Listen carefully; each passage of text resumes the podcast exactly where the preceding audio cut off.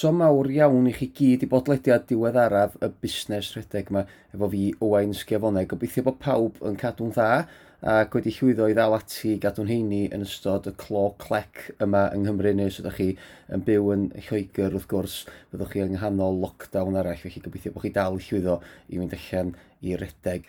Fel arfer, dwi'n agor y podlediad gyda chydig bach o newyddion rhedeg, ond wrth gwrs, does na ddim rasio uh, a dim lot o sôn amdano fo, felly dwi am fynd syth mewn i'r cyfweliad tro yma. Mae'r gerddoriaeth oedd yn agor y podlediad yn berthnasol iawn i'r sgwrs y trac oedd Gwenwyn gan Alfa a'r gwestai ydy gitarydd a chanwr y grŵp Dion Jones. Ond ta hon oedd y gan Gymraeg gyntaf gael ei ffrydio dros filiwn o weithiau ar Spotify. Y grŵp yn creu hanes mewn gwirionedd efo hynny.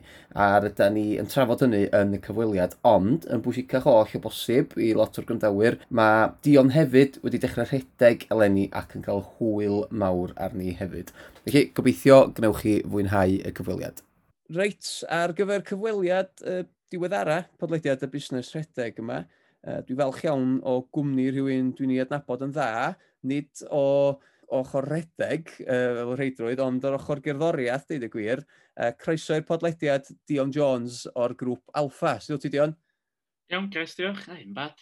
Da iawn, da iawn. Wel, da ni'n abod yn gilydd ers, ers rhai blynyddoedd, dweud gwir. Dwi'n dwi meddwl tua dechrau 2016, um, dwi'n cofio bwcio Alpha ar gyfer gig gyntaf yn y flwyddyn honno. Uh, dwi'n meddwl mae gig Ystefod yr Urdd oedd o, y gig archifan performio fan o. Uh, ond ond cywira fi os dwi'n anghywir, ond oedden ni wedi bod mewn cysylltiau cyn hynny, achos oedd na foi ifanc o'r enw Dion yn cysylltu fo fi ar e-bost yn cynnig dosbarthu posteri a pethau yn yr ysgol i fi. A dwi'n meddwl ma'ch di oedd y Dion yna, de? Ie, ie, ie. Fawr, nes i, nes i hollol anghywir hynna, ie, ie, fi oedd Dion yna, ie. Nes i'n rhoi dau a dau at i gilydd tan, o, oh, eich ati blwyddyn ar ôl ni gyfarfod yn, yn iawn, de, ti'n gwybod, a, a yn amlwg o'n i, dwi'n meddwl, o'n wedi gweld chi'n yn fyw yn performio, a a, a di trefnu cwbl o gigs i chi y fy'n hynny hefyd, yn de, wedyn nes i hmm. sylweddoli mae'r un, mae un Dion Jones o, o da chdi de, ti'n gwybod, ond diolch yn fawr iawn chdi am dy help yn dosferthu uh, posteri gobras selar a bethau yn, yn, yn yr ysgol, ac fel iawn bod chi wedi cael cwbl o gyfleoedd i chwarae yn gobras selar ers hynny. So. Deithon ni bach eich am, i ddechrau am, um, am Alfa, um, y grŵp. Ddwn ni mlaen at redeg yn y man, ond dwi eisiau dwi mynd ar ôl y gerddoriaeth gyntaf. Um, so deithon ni am, am Alfa, so ti a Sean yn dweud aelodau. Ie, Uh, yeah, so mae Alpha wedi bod yn brosiect cerddorol gyda ni ers, yeah, ers i ni fod yn ysgol, really. Um, Dwi'n dweud prosiect mwy o mwy fatha just y ddau ohono ni. Dim, dim byd fatha, ie, yeah, sy'n gormod o feddwl credigol, mae'n just yn ni day to day, sgwennu music, a ie, yeah, gigio gymaint o da ni'n gallu. So sut, i rywun sydd ddim yn gyfarwydd â'ch cerddoriad chi, sut so, ti'n disgrifio uh, sŵn offa? E, Mae'n sŵn reit drwm i ddau berson, ond mae hynna'n amlwg oherwydd bod na ond dau ohonyn ni sy'n da jyst i neu fyny a felly. So, ie, yeah. yeah, mae fatha rhyw blues reit riffi trwm. Ie, yeah, lle ddim gymaint o'r blues i mwy, ond ie. Yeah. Ie, yeah, mae wedi bod yn gret i fi weld eich datblygiad chi, ti'n gwybod, o'r, or band. Dwi'n meddwl bod chi ffurfio, dwy fel 15 gathoch chi ffurfio, ie? Yeah? Ie, yeah, swn i'n meddwl, ie. Yeah. Chdi, a dwi'n cofio uh, chdi'n gyrru demos i fi ar gyfer EP, nethoch chi ryddau'n uh, annibynnol, dwi'n meddwl, yn 2016 oedd hynny, neu 2017? Ie, yeah. yeah, 2016. No. A, a ti'n gwybod, dwi'n meddwl o, o hynny, so ni'n gweld y potensial y cychwyn yn, yno chi, a, a mae wedi bod yn gret i fi weld eich datblygiad chi ers hynny, a tod, daeth chi er enghraifft ennill brwydr y bandiau yn 2017, a dwi'n meddwl bod hynny wedi rili really lansio'ch gyrfa chi yn do, uh, achos oedd y fandiau da iawn yn erbyn chi yn, yn brwydr y bandiau yna yn, yn, yn Steddfod Môn, ynddo. A wedyn, mae llwyddiant neu stori eich fwyaf grŵp oedd um, efo'r sengl Gwenwyn der gath i'r yddain 2018. A wnaethoch chi greu hanes mewn gwirionedd achos Gwenwyn oedd y trac Cymraeg cyntaf i gael ei ffrydio dros filiwn o weithiau ar, ar Spotify ynddo. So, sut, sut beth oedd hynny? Ie, yeah, oedd o'n anhygoel, oedd o just dwi'n meddwl ar y pryd fel be yn un oedd ni eisiau, oedd ni wedi gorffan ysgol a falle, ac oedd stwff oedden ni dda, be, be da ni'n neud nesaf, oedd, oedd hynna rhyw fath o hwb a rhyw fath o yeah, concrete a just deud, ie, yeah, ti'n neud o dda, just stick at it, hefyd peth, ie. Yeah. Ie, yeah, a, a dwi'n meddwl bod y track yna wedi cael ei, i chwarae dros 2 miliwn o weithiau ebyn hyn, dydy, ar Spotify, sydd yn, mm -hmm. yn eitha rhyfeddol, ond Do, a gaethoch chi loads o sylw, cofio chi gael llwyth o sylw dy gynnu. Dwi'n erthigol yn Guardian, a uh, a gwbl o, o'r, um, o'r papurau newydd mawr eraill hefyd, de, ti'n gwybod, ac oedd, on, o wych i weld, achos nath o, nid yn unig roi, roi sylw i chi fel, fel grŵp, uh, nath o hefyd, dwi'n meddwl, tynnu sylw pobl at, at y diwydiant cyddoriaeth Cymraeg hefyd, ynddo. Pam, pam ti'n meddwl bod y gan yna wedi cael tod, y fath ymateb, a'i, ai eich sŵn chi'n benodol oedd o? Ie, uh, yeah, mae ma siŵr bod o ran y playlist a falle a sut nath o gyrraedd gymaint o bobl, Ond, um, ie, yeah, dwi'n gwybod, mae'n ma gwestiwn reit anodd i ateb, really. Dwi'n meddwl, dwi'n meddwl mae'n lot o'n just yn efo look a just right place at the right time math o beth, cos mae'n gymaint o gyfyrraeth arall allan a sy'n anhygoel yn y Gymraeg a, ie, yeah, ni just yn lwcus iawn i, ie, yeah, reithi peth. So, da, da chi wedi bacio hynny fyny wedyn y dot, achos ath y sengl, canlyn, dwi'n meddwl honno, y sengl ganlynol, ia, pla, her, mm-hmm. hefyd, croesi'r miliwn hefyd, yn dod. So, dim, so, dim rhyw one hit wonder oedd, oedd Gwenwyn. Ie, yeah, na. Dwi'n meddwl, ie, mae, mae rhyw fath o gyfraith eitha penodol a mae o'n... Um, yeah. Mae'n rhyw niche market yn dan o'n ffordd oes ac... Um, ie, yeah, efo'r bandiau Saesneg oedd yn ddechrau dod fyny, eitha Royal Blood a Black Keys o falle. Dwi'n meddwl, oedd o fatha bod o'n... Fatha bod bob dim di cyrraedd ar, ar amser iawn a bod o just fatha... Ia, yeah, ar y pryd oedd o'n cerddoriaeth really exciting o beth oedd newydd i bawb dwi, dwi wir yn meddwl bod chi wedi taro ar, ar rhywbeth, ti'n iawn i radda bod yna elfen o look yn efo bod chi'n y lle iawn ar yr amser iawn, dod a dwi'n gwybod bod, bod chi wedi cael lot o help gen rheolwr label er enghraifft Ows Gwynedd, uh, a bod o wedi, wedi tod, yn dallt i y dalltings yn golew efo, efo Spotify a'r, ar llwyfannau ffrydio, ond, ond bendant, ti'n ti, ti gallu creu look dy hun hefyd yn det. Dwi'n meddwl bod y, y mm-hmm. sŵn sy'n gynnwch chi ar a gwaith calad ydych chi'n rhoi mewn hefyd wedi talu y ffordd a ydych chi'n chi llawn heiddi'r llwyddiant yna. Dwi'n cofio holi Ows ar y pryd, to, be oedd, be oedd o'n olygu'n ariannol bod, bod chi wedi cyrraedd miliwn o, o ffrydiau felly. A nath o ddweud, mae wedi talu am ei album nhw'n det. So, a, a mi wnaethoch chi ryddhau'r album yna wedyn yn do? Dwi'n dwi hynod falch am hynna, achos nath o'n newid gormod mewn ffordd. Nath o a fe gyd jyst gael ei troi fewn i rhyw egni positif rhwng bod dim. Oedd, oedd o'n fatha, oedd o'n happy camp doedd, oedd oedd O's yn hapus, oedd Rich yn hapus yn studio, oedd Sean a fi'n hapus, ac oedd o just yn awyrgylch really nice a really exciting i fynd mewn i ac, ia na, yn amser gret o mywyd i really. A beth gorau di wnaethoch chi ryddhau'r album ar vinyl hefyd, so i, i hen godjar uh, traddodiadol fel fi, ti'n gwybod, oedd o'n gret i gael copi fainol yn, yn, yn yn llaw, yn det. So diolch yn fawr iawn chi am, am wneud hynny, a, a diolch am, i Spotify am... Uh, so, mae pobl yn cwyno, mewn ffordd bod Spotify ddim yn talu digon i artistiaid ag ati sydd yn wir, ond da chi, da chi profi mewn ffordd bod modd wneud chwyddiant ariannol allan ohono fo hefyd yn dydach. Mm -hmm. so, hynna da. So, ia, yeah, just ti a Sean, Sean Land, de, di'r di drymar so rwy'n i shout out fach i i Sean yeah. Shout out i Sean. Hogi neis chwarae. So, sôn am Sean chi, be, sut mae 20-20 di bod i chi fel band? Dwi'n tybio bod, bod bethau di arafu dipyn i chi. Ie, yeah, mae wedi bod yn gyfnod od, really. Mae llynaf yn flat out, di roed i gweld y byd mor hectic yn y mywyd o, o, o fyddan yn un ia, i'r pwynt bron lle oedden ni'n burnout mewn ffordd, oedden ni wedi gweithio mor galad a jyst i'n pwysio bethau i'r pen go iawn a rhyddhau yr album ar diwedd y flwyddyn a oh, oedden ni'n shattered mewn ffordd de. A wedyn, yeah. y cyfnod clom oedd fewn a dwi'n cyfo Sean fi, a iawn, rhaid ni gymryd hwn yn... Yeah, mewn ffordd fatha bod ni'n lwcus, bod ni'n cael amser i just relaxio chyddi bach. Yeah. A ers yna, da ni dal just i cymryd i'n easy a just, yeah, just ticio drosodd gweld sy'n mynd a Peter yn gyfnod o bwysau yn gwleud, dwi'n meddwl, mae'n mae gyfnod challenging i pawb, so, yeah, just, yeah, mynd efo allu. Da iawn, da iawn. So, o gellwn ni disgwyl mwy gan alfa pan fe bethau'n setlo chdi bach gobeithio? Bydd, bendant, bydd. Da iawn, da iawn. So, fel bod fi wedi bod mewn um, cysylltiad o ti'n ystod y, y cyfnod clo, achos nes di, nes ti grybwyll wrthai mewn uh, un neges bod chdi wedi dechrau rhedeg uh, yn ystod 20-20, bod ti'n gael chydig bach o flas yna fo, a, a dwi'n meddwl fod ar cyfnod o'n i'n lansio'r podlediad yma efo'r um, sgwrs gyntaf o Gwyndaf, Gwyndaf Lewis. Felly, ia, ti eisiau deitha ni bach am sut wyt ti wedi cychwyn ar y broses uh, rhedeg yma? Ie, yeah, so yeah, fel ni'n... Mae'n ma gyd yn gwneud fel llynad, rili, really, felly. O'n i'n... Um, ia, oedd hab gigio stwff, ac o'n i'n bita'n dda, o'n i'n yfad, ac oedd bod dim yn... Ia, jyst bach y mesu ar y gog bob tro. A dyn, dwi'n cofio jyst penderfynu nawr, mae'n rhywbeth angen newid. Dwi angen dechrau bita'n well a gwach drôl fi, hyn, achos oedd yma'n neud sens, oedd y sylm yn neud sens mewn ffordd.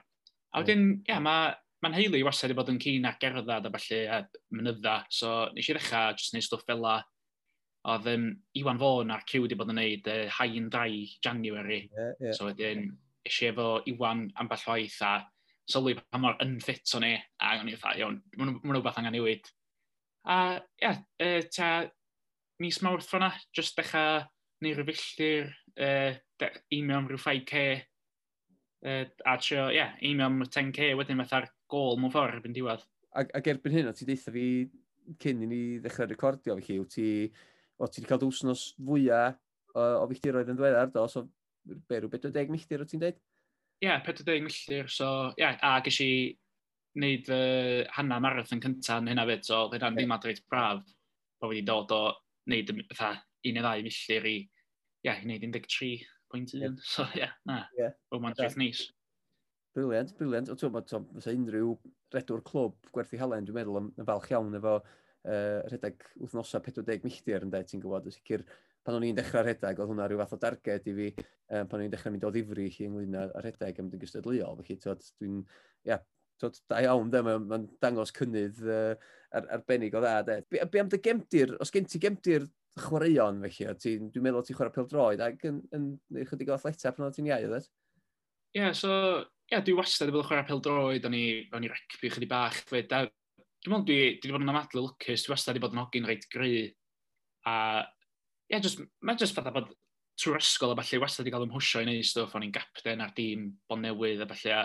Mm. A, hmm. o'n i wrth y modd a wedyn, efo hynna, o'n i eisiau datblygu rhyw, o'n i'n gallu rhedeg yn ofnadwy a ffast. Mm. So, o'n i'n gwneud ca metr. O'n i'n mlaen o'n 200, ond oedd ymrawdi na iawn ar 200 metr. Ia, yeah, dyn nes i fewn i neud stwff o'r ysgol mwy na byd a mynd i track and field. Ond ia, yeah, na, um, gynna i rhywbeth o gemdi'r athletau sy'n ei ddweud. E. Oce, okay. ti ddod wan, ti di datgelu dy PB 100 metr i fi, so dweud wrth y grandawyr be di dy PB di? Ie, yeah, 11.8, yna trebwrth efo'r ysgol o blaen, so na, na ni'n, um, ia, ni'n wrth modd o 100 metr o blaen. 11.8, yna dan ddeuddeg eiliad ar gyfer y 100 metr, so, so ni'n ffordd, so, so, o'n i'n eitha handi, so, fel sprinter pan o'n i'n iau hefyd, ond o'n i byth cael gyfle i, i gystadlu fel oedd ysgol ni ddim yn gret o ran athletiad di gweithio ti, tywed, ond or, fel pildroediwr chi o'n i'n chwarae rasgell neu yn y blaen pan o'n i'n ifanc, de. ond tywed, mae 11.8 yn ar lefel arall yn det, felly chwarae teg, tywed, mae hwnna'n ma, hwnna yn arbennig o dda, de. Tywed, ond beth sydd ddifur ydy, a dal yn ifanc, fe'n di dweud i fan? E, so dwi'n 20 yn, a beth sy'n yeah. hyd yn oed fwy scary ydy, dwi'n siŵr na 16 e o'n i'n neud y PB na, yeah. heb ddim math o draining cash, just troi fyny ffwtsbol dwy eithaf wrsos.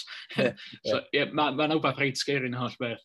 Naturiol, mae rhaid. So, so dwi, dwi meddwl, allai ti dal fynd yn ôl, to, pan, fydd, pan fydd y tracks ag ati ar agor, dwi'n meddwl allai ti roi dy, dy spikes nôl. O, ti'n gwisgo spikes ydy gen i? Oh, oh, well, Ie, yeah, gael rhyw handfi dawn sgynaled o'n i trwy'r so ie, yeah, na.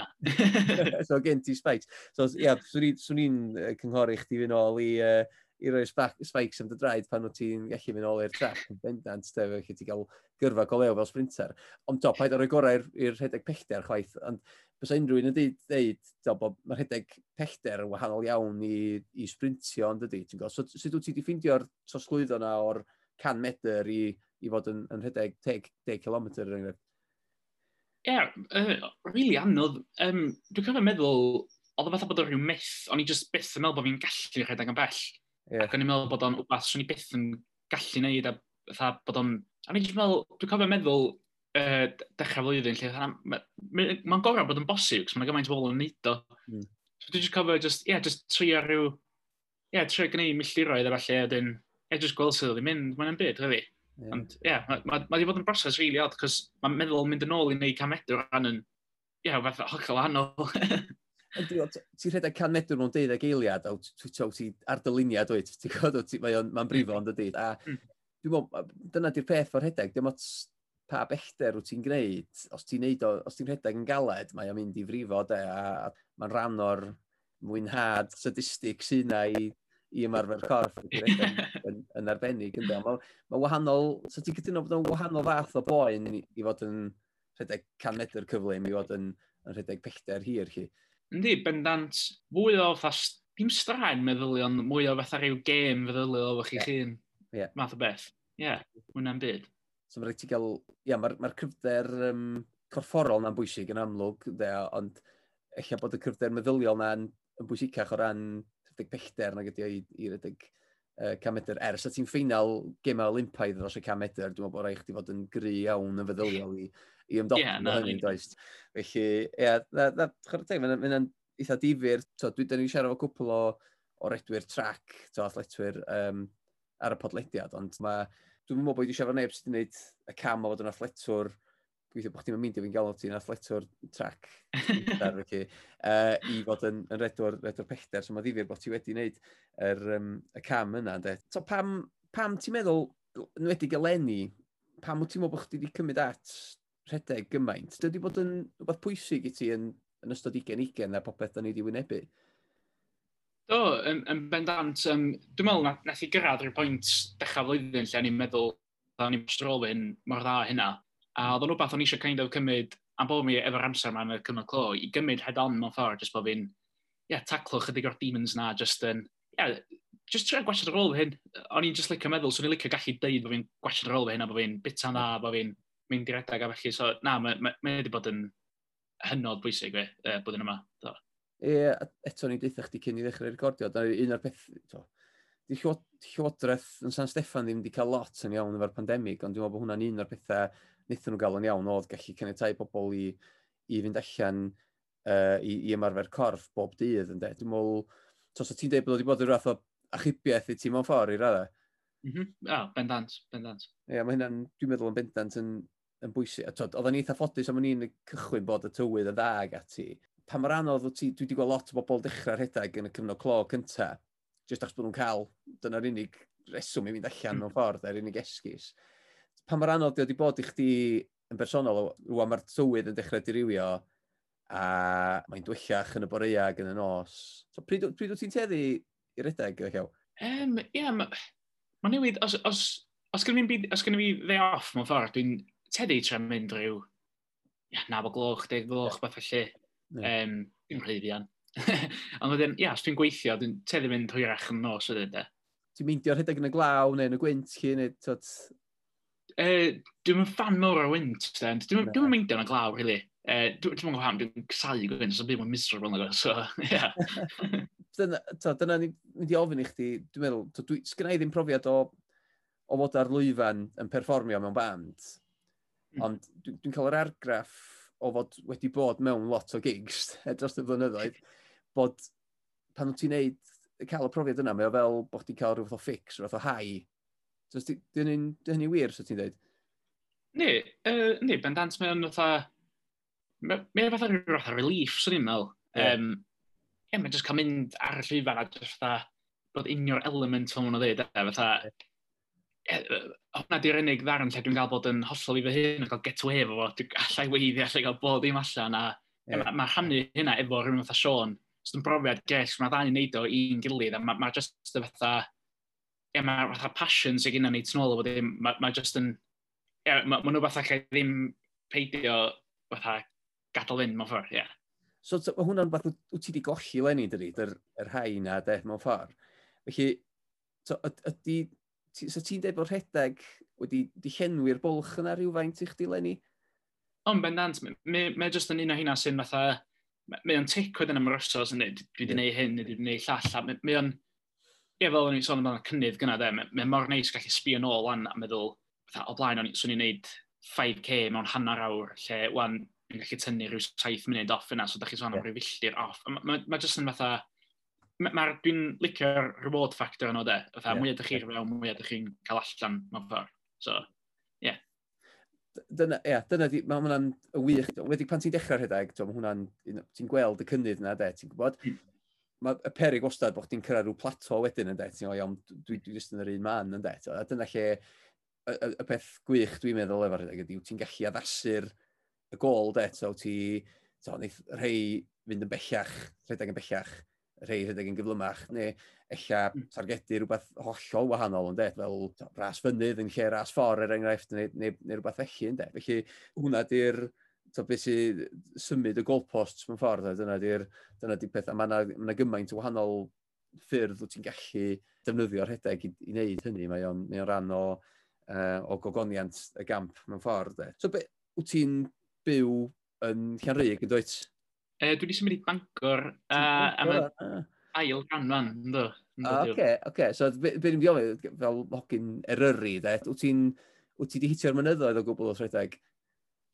Na, dim eto. Um, fatha personal favourite mynydd fi ydy moel eilio de, achos mae yeah. pan ma'n i'n byw yn Llerei, mae'n oh, ah, just fynd lôn ddim o ffordd. So ni'n licio gallu gwneud mae'r eilion, hefyd mae mae'r eilion gymaint o fynydd, mae'n fatha rhyw lwmp a so dwi'n mwyn gosod o'r mynydd gorau redag, ond na, mae'n definitely rhywbeth ar y bucket list yma li. Yeah. So ni'n licio meddwl bod ni'n gallu gwneud e. Ie, ie. Wel na, mae ma mwy leilion, dwi'n dilyn dipyn o um, ogia clwb ryri ar, um, ar strafag ac ati, a mae mwy leilion sicr yn, yn ffefryn efo, efo rhai o'r heini, dwi'n felly na, edrych mlaen i weld chdi'n uh, i weld chdi'n cadwa hwnnw rhyw ben. Ond dyna, be o'n eisiau gofyn mewn ffordd, pan fydd pethau'n yn gwella rhywfaint a byddwn ni'n gallu mynd ôl i, i fywyd arferol, wyt ti'n ti, gweld y hyn gobeithio yn cario ymlaen i redag, ond wyt ti'n gweld y hyn yn ymuno â clwb a dechrau gwneud rhasys ag ati, dwi'n mynd ar, ar, ar dy feddwl di? Ie, yeah, dyna ni'n ofni mwyaf, achos o'n i wedi cyrraedd ar y bwynt gen i'n fatha, really hapus fo be ni wedi gwneud, ac o'n i'n meddwl, oh, os dwi'n dechrau gweithio, falle, yeah. gallu cario ymlaen. A mae, mae fatha bod wedi bod yn, wbeth sy'n just ar yn ysgwydd i yn deitha fi, na na, tengan di redeg o'n. A dwi'n rili really falch am fyna. Um, o ran rases, baci, swn so, so i wrth modd gallu gwneud rhyw hana marathon, ella marathon rhywben sy'n am wych, ond mae'r elfen, mae'r elfen competitive wedi fi fy hun, dwi'n meddwl na, yeah. trio peth na lle. A ie, yes, e, bob yn clwb yn gret, sa'n, ie, yeah, brofod rili neis gael siarad o rhedwyr eraill a dysgu o pobl eraill. Bendant, ti'n ma, ma pobl sydd ddim yn redwyr yn, dod, yn gwybod pa mor ddiflas ydi o i siarad, i glwad rhywun sy'n rhedeg yn siarad am y peth, do, a da ni gyd yn eog am wneud o, a dyna'i radda pam nes i benderfynu lansio'r podlediad yma, de, i roi esgus i bobl i, i siarad am redeg a i gael pobl sydd o diddordeb go iawn i ramdo arnyn nhw'n de, efo hynny. Yeah, yeah. A, a dyna, mae'n ma, ma, ma gymuned hynod o, o wych, y gymuned redeg, de, boed o yn pack run ar fore y Sadwrn neu bod chdi'n mynd at, at glwb. ynddo. Um, a mae gennych chi, to, gennych chi glwbiau da iawn fyny uh, ochrau chi yn fanna, ynddo. ti'n ofyn sicr, swn i'n annog ti i fynd ati, na i lle fi'n ôl at mennau, ynddo. er dwi'n meddwl mae uh, mwy o, o glwb um, trac ag ati ydyn nhw, ynddo. mae mm. yr yri sicr yn, yn glwb gwych uh, ochrau chi hefyd, ynddo. Ac ia, o ran rasio, cer amdani, ynddo. os ti'n meddwl bod um, So, os ti, os ti just mynd am run yn, yn helpu rhoi'r ffix na, fysa chdi'n cael ar, ar lwyfan yna, dwi'n meddwl bod cymryd rhan mewn ras a, a bod yn rhan o'r, or gymuned yna o bobl, o'r, or digwyddiad, yr achlysur yna. Mae hwnna yn, yn sicr yn, yn rhoi rhywbeth o hau eitha unigryw i chdi. Uh, Fyswn ni'n dychmygu sydd yn, uh, yn agosach eto at byw ti'n cael ar, ar lwyfan yn det. Felly, yna reswm arall o'n i wedi gofyn ti ddod ar y podlediad yma, sef mae'n mae fus tachwedd, neu ddylwn ni ddweud tasiwedd, neu Movember wrth gwrs, a gwt ti a, a criw o ffrindiau yn gwneud herfach uh, mis yma sydd yn ymwneud a, a tyfu mwstash. Nawr ni'n trafod sut mae hynny'n dod ymlaen. uh, ond, ond hefyd yn ymwneud â, um, a, a gymarfer corff hefyd. Oce, okay, na i hmm. ofyn sut mae'r mwstash yn dod ymlaen i ddechrau eh, uh, just, just ddim yn dod mlaen, dwi'n meddwl, di'r yeah, di unig beth gael dweud, really. O'n i'n... O'n i'n... Pan o'n i'n cysylltu fo chdi, o'n i'n wahanna'r ama fysa fysa chdi'n cael, cael bach o draffarth o'n abo chdi, ti'n gwybod? Ia, dim bod fi'n smyg, mae ma, ma, ma cael blew yn tyfu ar dywyneb ni'n ddi baid yn gallu bod yn eitha niwsans, di gwirth chdi.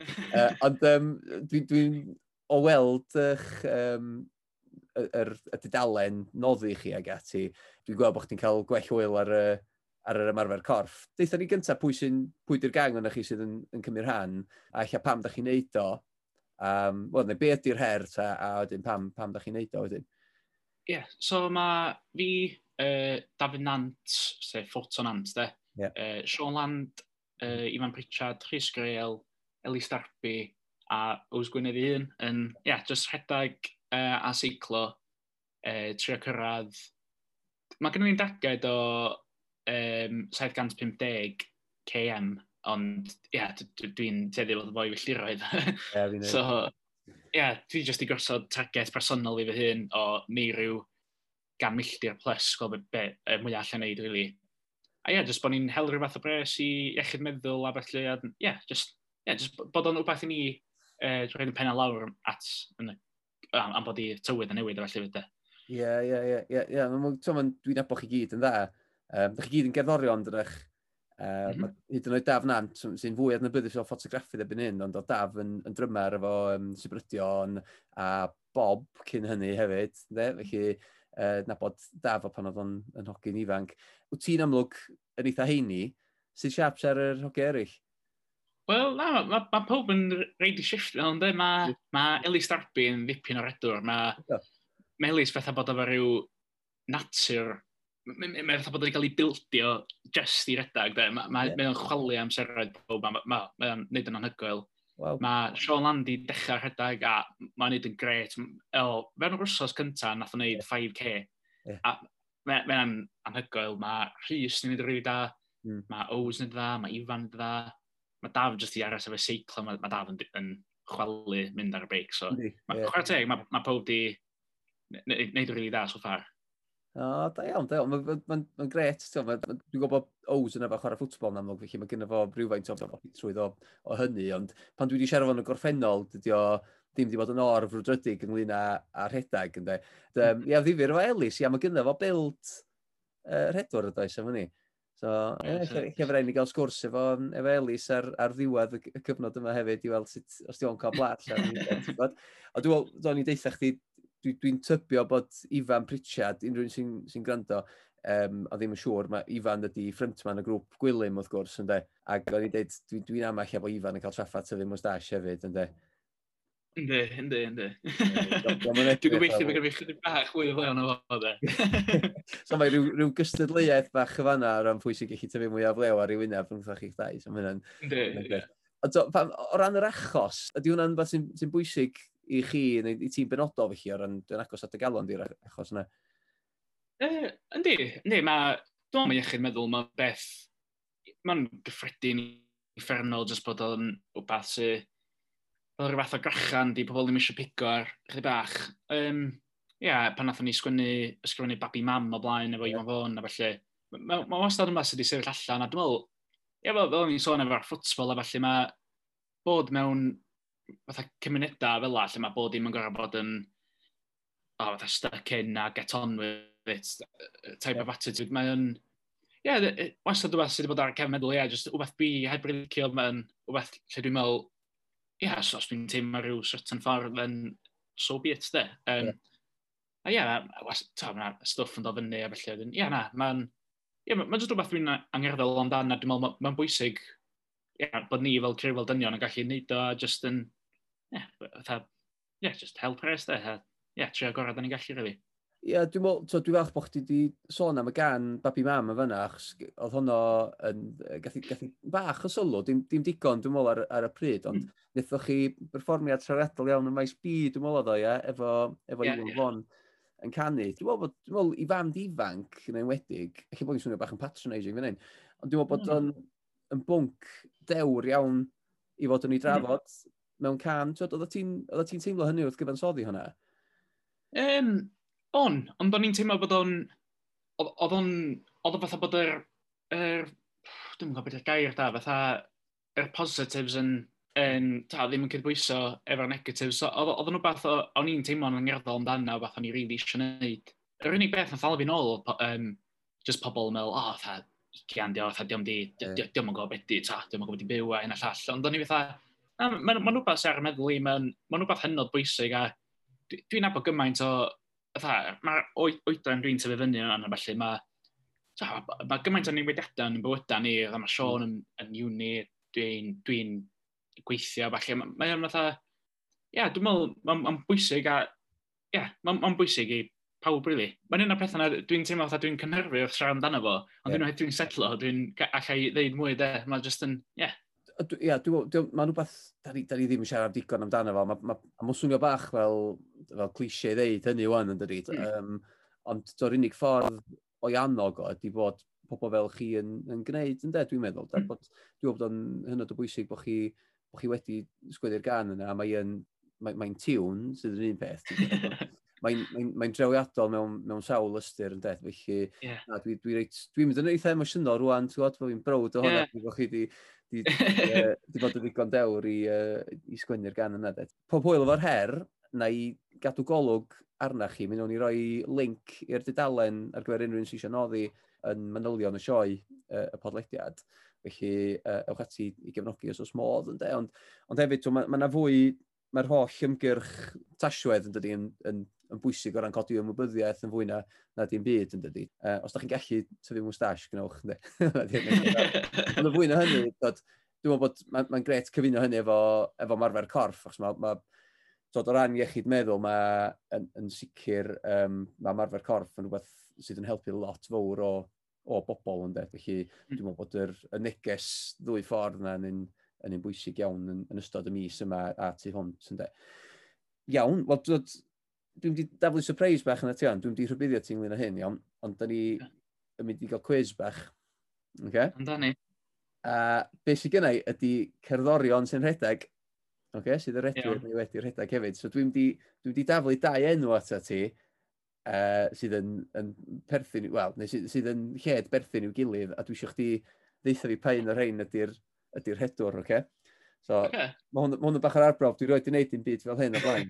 Felly, uh, fydd o'n, fydd on eitha diddorol, ond, ond fyddi di'n nabod lot o'r enfa, dwi'n siŵr. Okay? Iawn, dwi'n mynd i ddechrau efo... Iawn, dwi'n ddechrau fe'n hawdd, okay? achos ti di, ti di crybwy chi enw fo yn un o'n nhw'n yn, yn barod. Wel, o'n i'n mynd i ddeud... Um, ti di enwi dau o, o'r bobl o'n i'n mynd i, i ddefnyddio fan hyn. So, Iwan Fon a Math Llwyd o'r band Llei, so Iwan di'r frontman. Um, math uh, yn, yn chwarae grŵp hefyd. Pa un o hynna, hynna di'r rhedwr?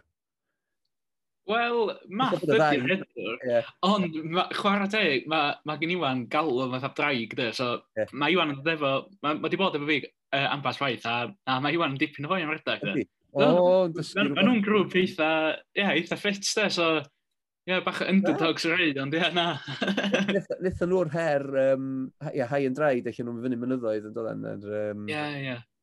dim, dim lenni oedd hi'n agi blwyddyn cent, ia? 2019 oedd hi? Na, ie, yeah, na, lenni oedd hi. Lenni oedd, ie. Ia, dechrau ar ddechrau flwyddyn, mis Ionawr oedd hi, os dwi'n cofyn iawn, da, felly...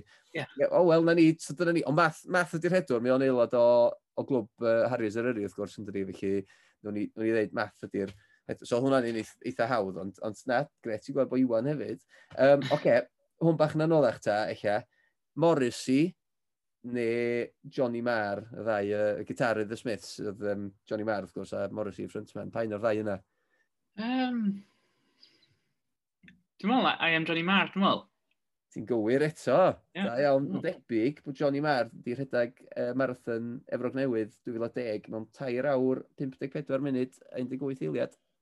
Wow. Um, amser parchus dros ben. Ne. Hmm. Oce, okay, mae rhain, oce, okay, di hein ddim, ddim, ddim yn perthyn mor agos eich ond um, Flea, sef basydd Red Hot Chili Peppers, neu hmm. The Edge, gitarydd U2, pa un heina di'r di hedwyr. Uh, ah. Mae'n ei reit anodd. Um, dwi'n meddwl amdan Edge, dwi'n meddwl. Ie? Yeah. Ie, yeah, dwi'n meddwl ti'n ti anghywir o hon, sori. O, Ella bod, ella bod e, rhai o'r rhain yn, yn redwyr hefyd, ond um, dwi'n gwybod bod Flea yn redwr, a mi oedd di rhedeg cwpl o marathons wedi gwir, a'i amser gorau fa 3 awr 41 munud, 3 awr 41 munud, 49 eiliad, sydd yn, wow. yn hynod o berchus, a dwi'n meddwl oedd o dipyn o oed yn neud yr amser yna hefyd, chwer teg iddo fo. Be am, iawn, Lleiwen Steffan, neu iawn. Manon Steffan Ross i chwaer i? Waw. Hmm. Dwi'n dweud am Lleuwen, dwi'n meddwl. Ie, yeah. ti'n gywir. Ie. Yeah. Da iawn. Da iawn. Dol nath Lleuwen, um, Mae nath i drydar fi'n dwed, ata i'n dweddar yn dweud beth am, am redag, ac o'n i'n gwybod bod i'n bod i'n redraig, ond um, ia, mae'n debyg bod hi'n hi, hi redraig dipyn ac yn oh. cael bydd mawr o allan ohono fo. Iawn, gan ni weld pwy arall sydd gyda ni fan hyn. Oce, okay. da ni'n mynd i gyfeiriad... Na, dwi eisiau dyn ôl at hwn wedyn, achos mae hwn yn un da.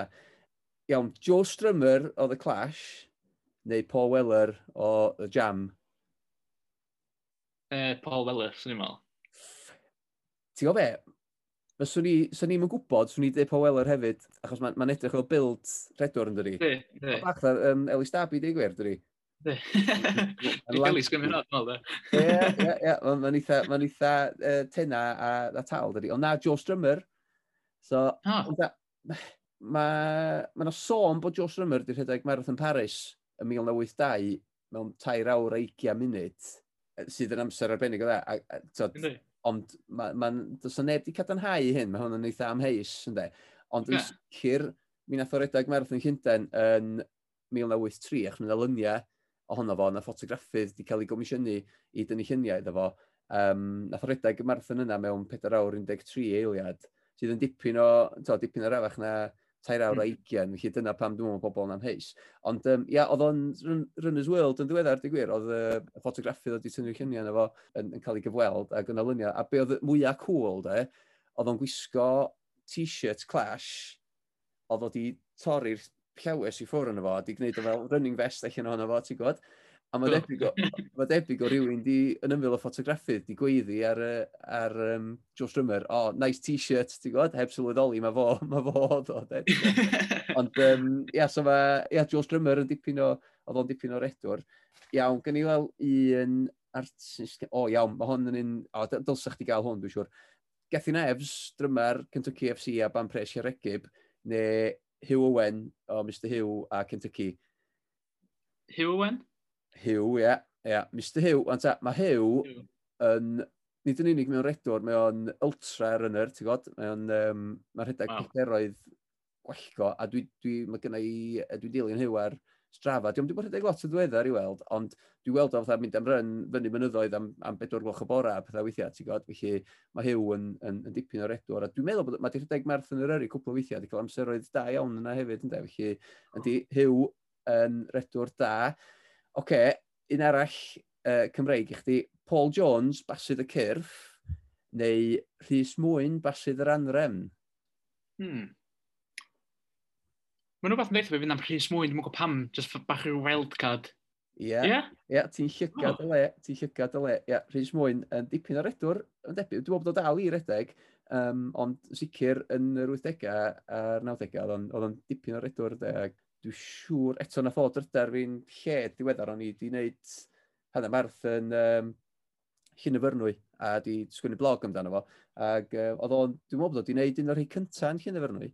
Felly, ie, yeah, so Rhys ah. Mwyn yn, uh, yn redwr arbennig o dda. Wedyn mae gennau un, un ola, oh, mae gennau cwpl o reit da fan hyn fyd. Oce, okay, na'i wneud y ddau i chdi, oce. Okay. P Diddy neu Jay-Z? Uh, Jay-Z? Na, ge P Diddy. PDD wedi rhedeg sawl marathon, nath o redeg un Efrog Newydd 2003 mewn 4 awr 14 munud, a nath o godi 2 filiwn o ddoleri at Elisena Plant i wneud y marathon wow. yna. Felly, ie, yeah, PDD yn, yn redwr, ac yr un ola iawn, hon, hon dwi'n licio, ac dwi'n meddwl mae dyma di'r redwr cyflyma hefyd o'r enwogion cerddorol yma. Y band ABBA, dwi'n ni'n faint o fan o ti o ABBA, ond Benny Anderson neu Bjorn Ulversi, oh, dwi'n gwybod sydd wedi enw fo, Ulversis, Ulver, oh. Benny neu Bjorn, dwi'n mwyn gwybod y gwahaniaeth. Pa un ti'n meddwl sa'r redwr? so, be, be, be dd'r enw? Benny, Benny a pwy? Benny a Bjorn. Felly, Ond oedd rai, i fi oedd ddau yn edrych yn debyg. yn edrych yn union y fath, dwi'n gwybod ti. Ie, um, yeah, dwi'n saff. Uh, Benny? Na, Bjorn, Bjorn oedd o, ond na i fadda i chdi am hwnna, achos ie, dwi'n dybio bod chdi'n fan masif o, o ABBA. Ond, chwarae teg, uh, nath o redeg Marathon Stockholm 1980 mewn 3 awr 24 munud a 54 eiliad. Felly, Bjorn yn dipyn o redeg Wow. Ond mae debyg oedd o wedi dechrau rhedeg achos cool, um, oedd o'n poeni bod o'n rhoi bach o, o fol, to, bod o'n datblygu bach o fol lli a bod o'n gadael y, y band i hmm. lawr, chi bod o'n bod o'n edrych cystal. Felly, nath o ddechrau rhedeg a dod yn, yn edrych hmm. arbennig o dda. Felly, dwi'n meddwl, mae fod i'r cyflyma. O na, ffli, mae ffli yn gynt na fo. Na chdi, na chdi, sori. Na chdi, bion, bion di'r cyflyma, o'n i bai bod y stori ynglyn â Johnny Marr, uh, Joe Strummer, sori, yn, uh, yn Paris, yn wir, yn det. Felly, lot o'r hmm. edwyr yn, yn dod o'r, or byd cerddorol yma, does? Wel, na ni ebe. Nes ti wynhau'r cwiz bach yna? Da, da, o'n i'n disgwyl yna gwbl. Ah, da iawn. Nes ti wneud yr ei dach ar y teg i ti. Ei, iawn, diolch yn fawr ti am damser, dwi wedi cadw chdi ddigon hir, ond mae yna ma cwpl o gwestiynau da ni'n gofyn i bawb sy'n dod ar y podlediad jyst i orffen, felly. Cynta rhain, di, lle di dy, dy hoff le di i'r rydeg? Lle wyt ti'n mwynhau rydeg fwyaf? Uh, hoff le sy'n dweud rhwng llun padar. Ie. Yeah. Yeah, so rhywbeth, so rhywbeth am am fanon yn benodol felly? Mae'n ma, ma edrach yn hygol. Mae'n mynd lŵp neis, ynddi? Mae'n 5 milltir ar y gwmpas y hyn. So, tra dwi'n llan rig, mae'n mynd o tu rownd, a erbyn mi ganol, mae'n rhyw 8 milltir. So, mae'n lŵp really neis, a da chi jyst yn cymryd bod i'n fewn, o, mae'n ma gret.